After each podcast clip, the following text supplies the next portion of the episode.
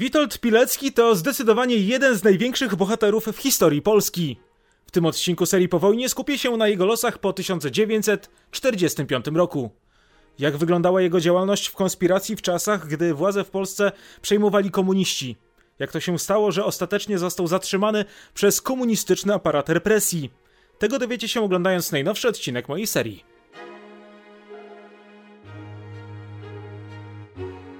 Przypominam, że w przedsprzedaży jest pierwsza książka z serii po wojnie Jak Moskwa oszukała Zachód w 1945 roku. Opisuje w niej międzynarodową rozgrywkę, która w ostatecznym rozrachunku doprowadziła do zimnej wojny. Każdy rozdział to osobna historia z mnóstwem cytatów. W książce opowiedziałem m.in. o tym, jak naprawdę wyglądały rozmowy w Jałcie, Poczdamie oraz San Francisco podczas tworzenia Organizacji Narodów Zjednoczonych. Głównymi bohaterami są Stalin, Churchill i Truman. W rolach drugoplanowych występują m.in. De Gaulle, Edward Benesz, Wiaczesław Mołotow, a także rumuński król Michał I.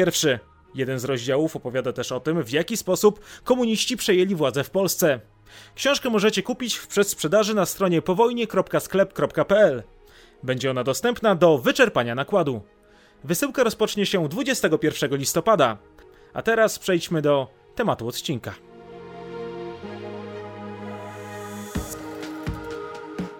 Witold Pilecki już w sierpniu 1939 roku został powołany do wojska.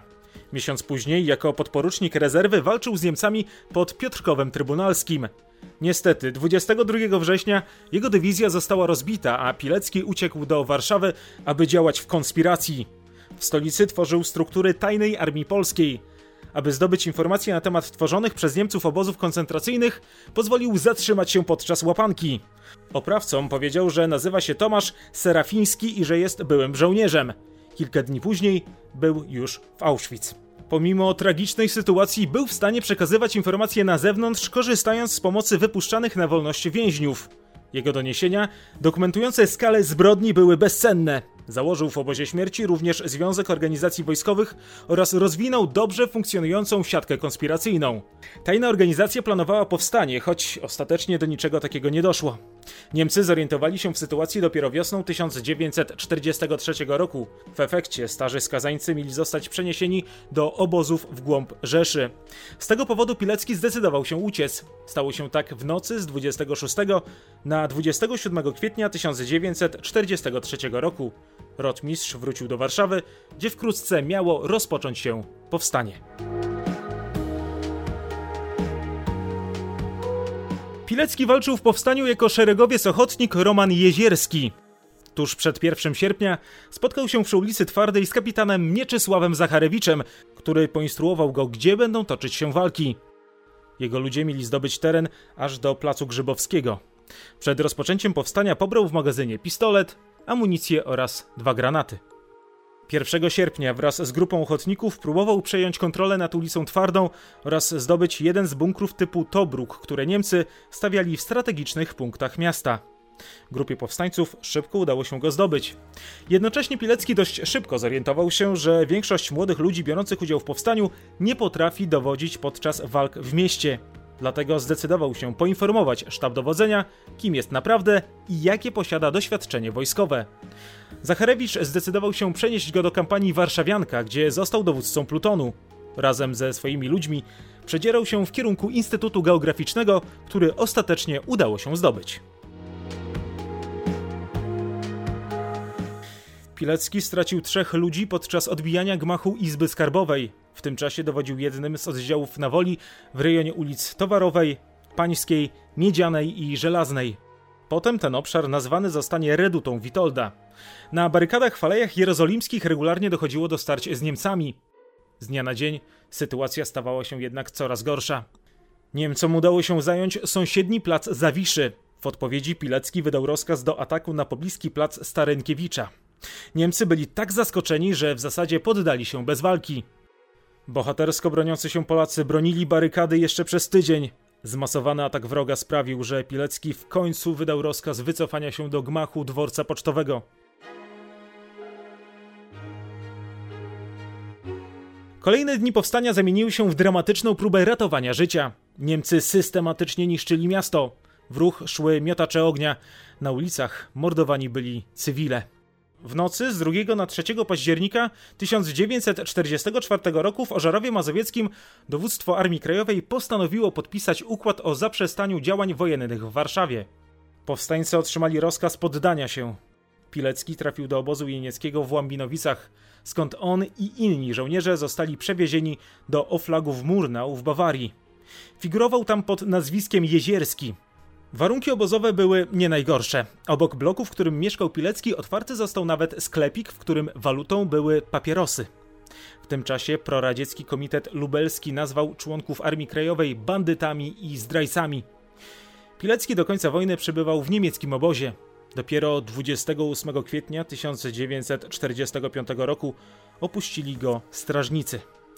Następnego dnia pojawili się tam Amerykanie z dywizji pancernej majora Roderika Allena oraz pełniący obowiązki naczelnego wodza polskich sił zbrojnych generał Władysław Anders.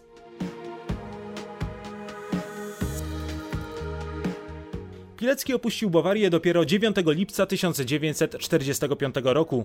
Wyjechał do Włoch do tymczasowej siedziby drugiego Korpusu Polskich Sił Zbrojnych. W punkcie rekrutacyjnym ujawnił swoje prawdziwe nazwisko oraz powiązania z organizacją NIE. Dowiedział się wtedy, że została ona zgodnie z decyzją generała Andersa rozwiązana. Wcześniej jej dowódcy trafili w ręce NKWD. Pilecki nie krył rozgoryczenia. Na ten moment nie otrzymał jednak nowych rozkazów. Korzystając z kilku dni wolnego z pomocą przyjaciółki Marii Szelongowskiej zaczął spisywać swoje wspomnienia z Oświęcimia.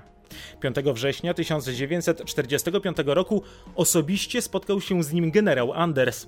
Wojskowy był pełen podziwu dla jego odwagi z czasów wojny. Polski bohater Witold Pilecki zdobył się na szczerość, mówiąc, że powstaniu zabrakło doświadczonych dowódców. Stwierdził też, że jego wybuch pogrzebał Armię Krajową. Z drugiej strony rotmistrz chwalił polski hart ducha. Generał Anders, który słuchał jego uwag z zainteresowaniem, poinformował go, że generał Fieldorf-Nil od marca 1945 roku jest w rękach NKWD, a także, że polska suwerenność jest poważnie zagrożona. Generał poprosił Pileckiego, aby zajął się szkoleniem nowych żołnierzy, którzy w przyszłości mieliby działać w konspiracji.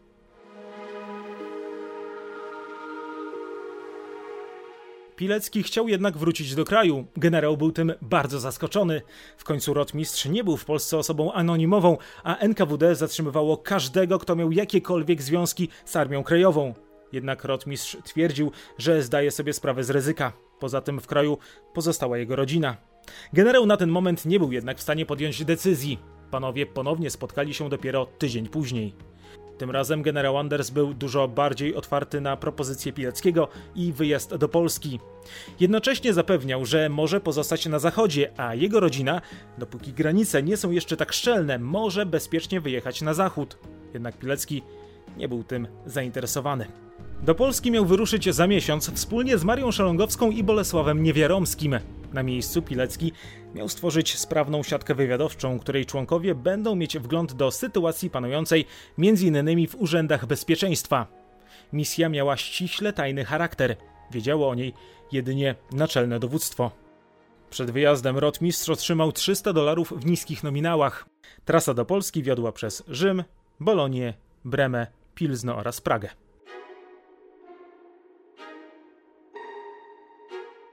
Na granicy Pilecki przedstawił dokumenty, z których wynikało, że nazywa się Roman Jezierski. Do ojczyzny wjechał bez większych problemów. 8 grudnia 1945 roku ponownie był w stolicy. Na miejscu zatrzymał się w mieszkaniu profesor Romany Krzeczkowskiej przy ulicy Rakowieckiej w samym sercu miasta. Szybko jednak przeprowadził się do wynajętego pokoju w mieszkaniu Antoniego Wodnika, którego znał jeszcze z czasu pobytu w Auschwitz. Potem uznał, że był to błąd, ponieważ w ten sposób ryzykował dekonspirację. W tej sytuacji jeszcze raz zmienił lokum i zamieszkał na ulicy Pańskiej u państwa sierackich. Pilecki od razu zabrał się do pracy. Do zadań konspiracyjnych, gdzie trzymał broń i tajne dokumenty, wynajął jeszcze jedno mieszkanie przy ulicy Skrzetuskiego. Każdego dnia Docierały do niego informacje o kolejnych aresztowaniach dawnych działaczy Armii Krajowej. Odnowienie kontaktów z osobami, z którymi współpracował w ramach organizacji NIE, stało się niemożliwe. Siatka wywiadowcza Pileckiego musiała opierać się na nowych osobach.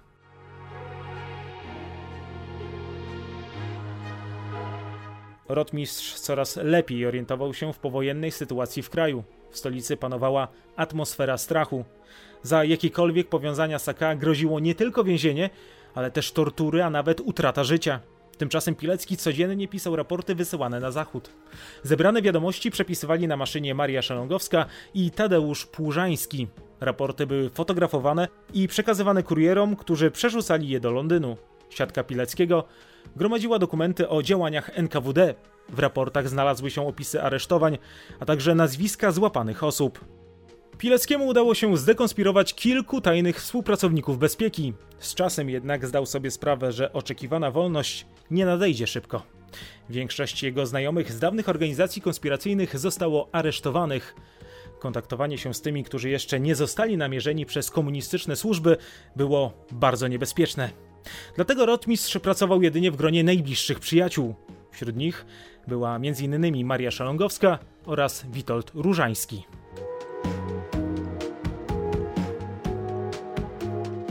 Ponieważ funkcjonował przepis o nakazie pracy, Pilecki załatwił sobie odpowiedni wpis w dokumentach poświadczający zatrudnienie w składach budowlanych na ulicy Kaliskiej jako magazynier.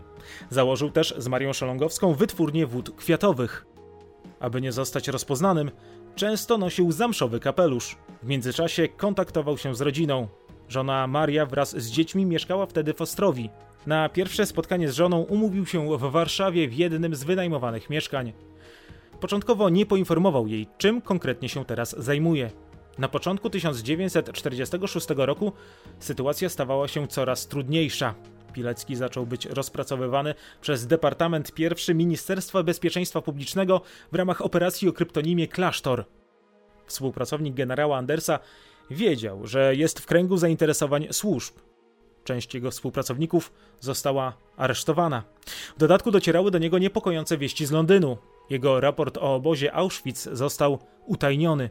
W czerwcowej paradzie zwycięstwa w Londynie miało zabraknąć polskich żołnierzy, co miało świadczyć o cementującym się podziale świata na wschód i zachód. Polska wciągana była do bloku komunistycznego.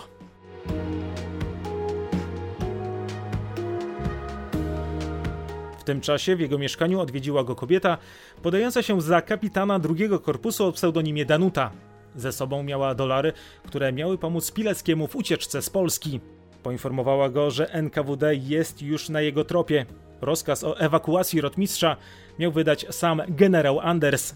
Ze sobą miał też zabrać żonę i dzieci, ale Pilecki odmówił. Twierdził, że to w Polsce jest bardziej potrzebny i że nie chce zostawiać swoich ludzi. Rotmistrz przekonywał emisariuszkę, że jest doskonale zakonspirowany, ma fałszywe nazwisko, dokumenty, kilka wynajętych mieszkań i fikcyjną pracę. Danuta przekazała mu rozkaz nakazujący rozwiązanie wszystkich jednostek partyzanckich walczących zbrojnie z komunistami. Pilecki, wiedząc, że jest w coraz większym niebezpieczeństwie, szybko zorganizował sobie kolejne fałszywe dokumenty.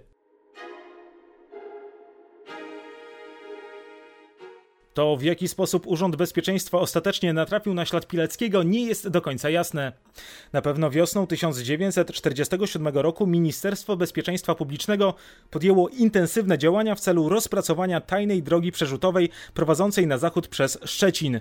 Ustalenie okoliczności natrafienia na siatkę Pileckiego jest niezwykle trudne, ponieważ resort zniszczył główne zespoły akt operacyjnych oraz teczki prac najważniejszych swoich agentów. Są jednak pewne poszlaki, które pozwalają wykreować pewną teorię.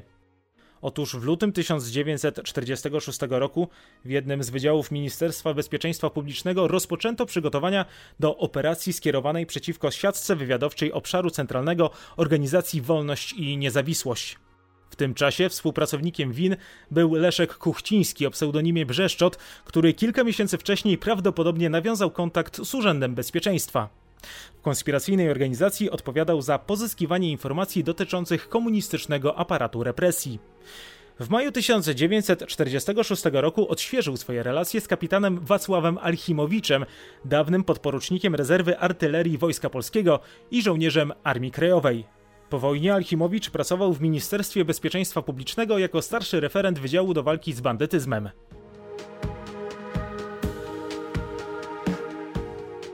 Kuchciński zwerbował przyjaciela, który stał się tym samym informatorem winu. Równocześnie sam został też zwerbowany przez Alchimowicza jako tajny współpracownik Ministerstwa Bezpieczeństwa Publicznego, co miało ułatwić im regularne kontakty. O werbunku został poinformowany przełożony Alchimowicza podpułkownik Józef Czaplicki, który szybko pozyskał do rozpracowywania komendy obszaru centralnego zrzeszenia win Leszka Kuchcińskiego. Równocześnie już kilka tygodni później bezpiece udało się zwerbować najbliższego współpracownika prezesa obszaru centralnego win Wincentego Kwiecińskiego, Kazimierza Czarnockiego. Tym sposobem Kuchciński stał się mniej ważnym informatorem. W tej sytuacji od września 1946 roku rozpoczął pracę nad rozpracowywaniem innych organizacji. Postanowił odnowić kontakt z Tadeuszem Płużańskim, czyli jednym z najbliższych współpracowników rotmistrza Pileckiego.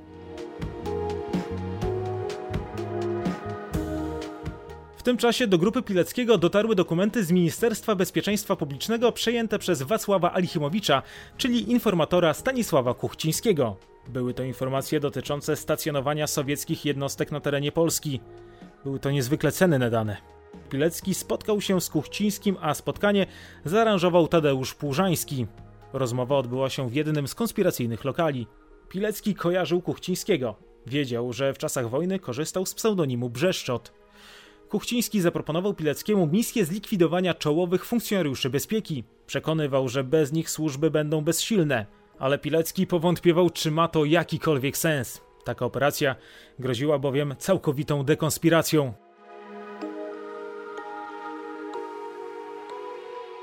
Na początku maja 1947 roku Pilecki udał się na śniadanie do mieszkania Elżbiety i Makarego Sierackich przy ulicy Pańskiej. Nie wiedział, że dzień wcześniej jego właściciele zostali aresztowani. To była zasadzka. Do drzwi zapukali ubrani po cywilnemu funkcjonariusze bezpieki. Doskonale zdawali sobie sprawę, kto jest w środku. Kiedy stanęli oko w oko z Pileckim, jeden z nich w zdecydowany sposób zakomunikował rotmistrzowi, że jest aresztowany za zdradę stanu, szpiegostwo przeciwko Polsce Ludowej na rzecz obcego mocarstwa oraz nielegalne posiadanie broni. Przeszukując Pileckiego, znaleźli notatnik z adresami około 100 współpracowników. Oprócz niego mieszkanie opuścił w kajdankach również Sieracki. Obaj zostali zabrani do więzienia na ulicy Rakowieckiej. Przesłuchania rozpoczęły się niemal natychmiast. Pilecki był bity, a oprawcy bezwzględni kopiąc i uderzając pięściami. Przesłuchujący bandyci żądali nazwisk i adresów współpracowników. Pilecki jednak milczał, co tylko jeszcze bardziej rozwścieczało śledczych. Brutalne przesłuchania trwały też w kolejnych dniach.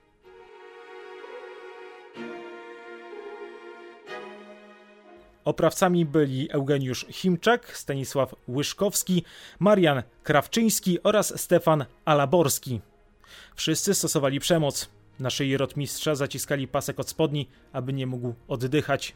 Uderzali kauczukową pałką, wyrywali paznokcie i włosy, przypalali papierosami, zmuszali do siedzenia na nodze taboretu, miażdżyli palce. Szczególnie brutalny był Chimczak.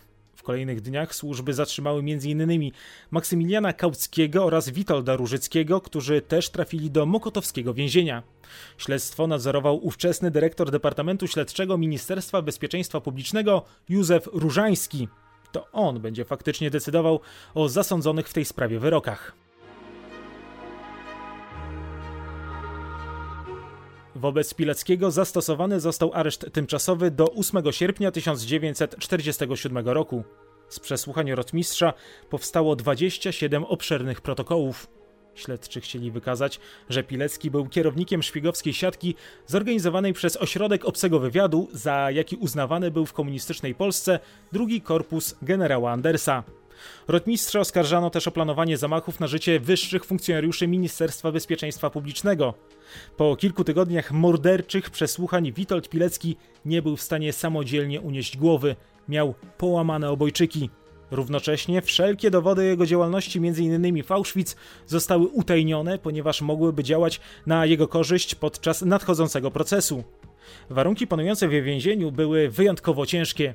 W przepełnionej ludźmi celi znajdowało się jedno łóżko, na którym leżały sienniki rozkładane nocą na podłodze. Była też muszla klozetowa oraz szafka i stolik.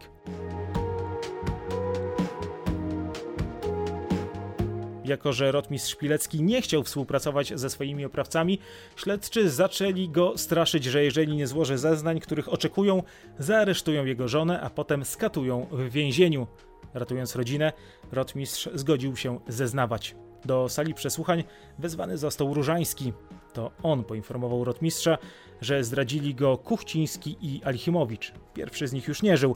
Został prawdopodobnie zabity przez funkcjonariuszy Ministerstwa Bezpieczeństwa Publicznego wiosną 1947 roku. Pilecki w rozmowie z Różańskim postawił warunek: Będę zeznawał tylko jeżeli moja rodzina będzie bezpieczna. Różański zgodził się spełnić tę prośbę. W kolejnych dniach rotmistrz złożył obciążającego zeznania. Mówił m.in. o skrytkach w konspiracyjnych mieszkaniach, gdzie ukryte zostały broń oraz broszury. W lokalu przy ulicy Śliskiej ujawnione zostały dwa karabiny maszynowe, 26 granatów i 160 sztuk amunicji. Bezpieka znalazła broń również w mieszkaniach przy ulicach Pańskiej oraz Skrzetuskiego. 4 listopada 1947 roku Witold Pilecki podpisał zeznania wraz z absurdalną formułą o dobrowolności ich złożenia. Śledztwo zostało oficjalnie zakończone 10 grudnia.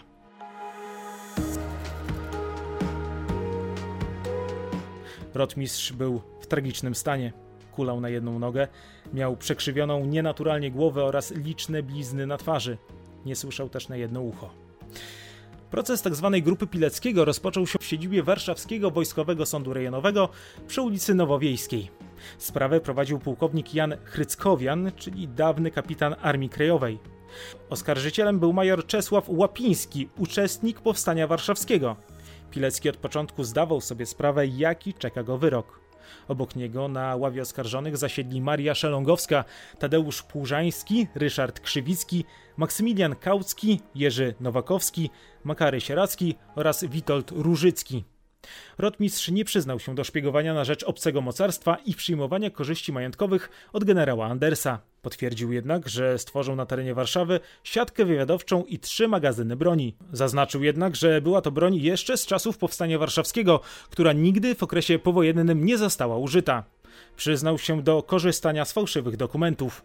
Prosił o ukaranie wyłącznie jego osoby, ponieważ pozostali oskarżeni nie mieli świadomości, jaką realizuje misję. 15 marca 1948 roku Pilecki usłyszał wyrok śmierci. W ten sam sposób ukarani zostali Maria Szelongowska i Tadeusz Płużański. Makary Sieracki otrzymał karę dożywotniego więzienia. Kauski miał spędzić za kratami 12 lat, Krzywicki 8, a Nowakowski 5. Po ogłoszeniu wyroku Pileckiemu pozwolono na kilkuminutowe spotkanie z żoną. Powiedział jej, że to, co spotkało go w Oświęcimiu, w porównaniu do tego, co miało miejsce w mokotowskim więzieniu, było igraszką. Dwa dni później Szelongowska i Płużański zostali ułaskawieni z kary śmierci. Przypadku Pileckiego takiej decyzji nie było, choć rotmistrz napisał list do prezydenta Bieruta z prośbą o skorzystanie z prawa łaski. Przywódca Polski Ludowej odmówił.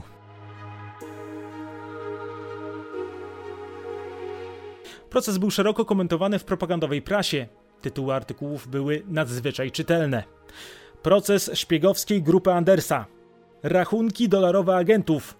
Sztab Andersa finansował szpiegów w Polsce. Sprawa była nagłaśniana, aby zdyskredytować drugi korpus Polski oraz generała Andersa. Już wcześniej Rada Ministrów pozbawiła go obywatelstwa. W gazetach nie pojawiła się ani jedna wzmianka o tym, że główny oskarżony Witold Pilecki był dawniej więźniem obozu śmierci w Auschwitz. Pileckiemu nie pomógł inny więzień obozu śmierci i ówczesny premier Józef Cyrankiewicz. Jedna z najważniejszych osób w państwie umywała ręce, twierdząc, że nic nie może w tej sprawie zrobić, ponieważ decyzję o ewentualnym ułaskawieniu podejmuje wyłącznie Bolesław Bierut.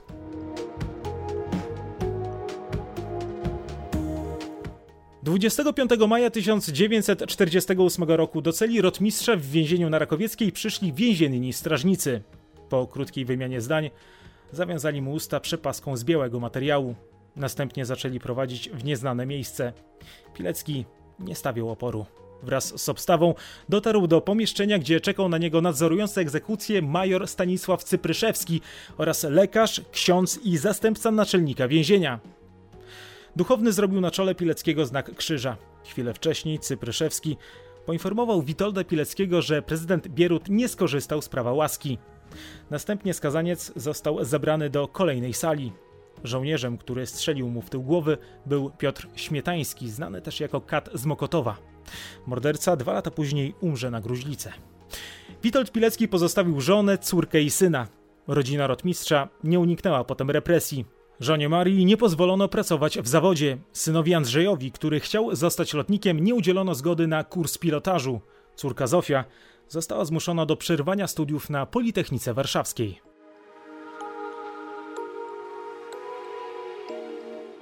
Do dziś nie ustalono miejsca pochówku rotmistrza Pileckiego, choć istnieje teoria, że jest nim kwatera na Łączce, gdzie potajemnie chowane były ofiary komunistycznego reżimu. W czasach PRL wszelkie informacje o dokonaniach i losie Witolda Pileckiego podlegały cenzurze. Dopiero w wolnej Polsce w 1995 roku został on pośmiertnie odznaczony krzyżem komandorskim Orderu Odrodzenia Polski.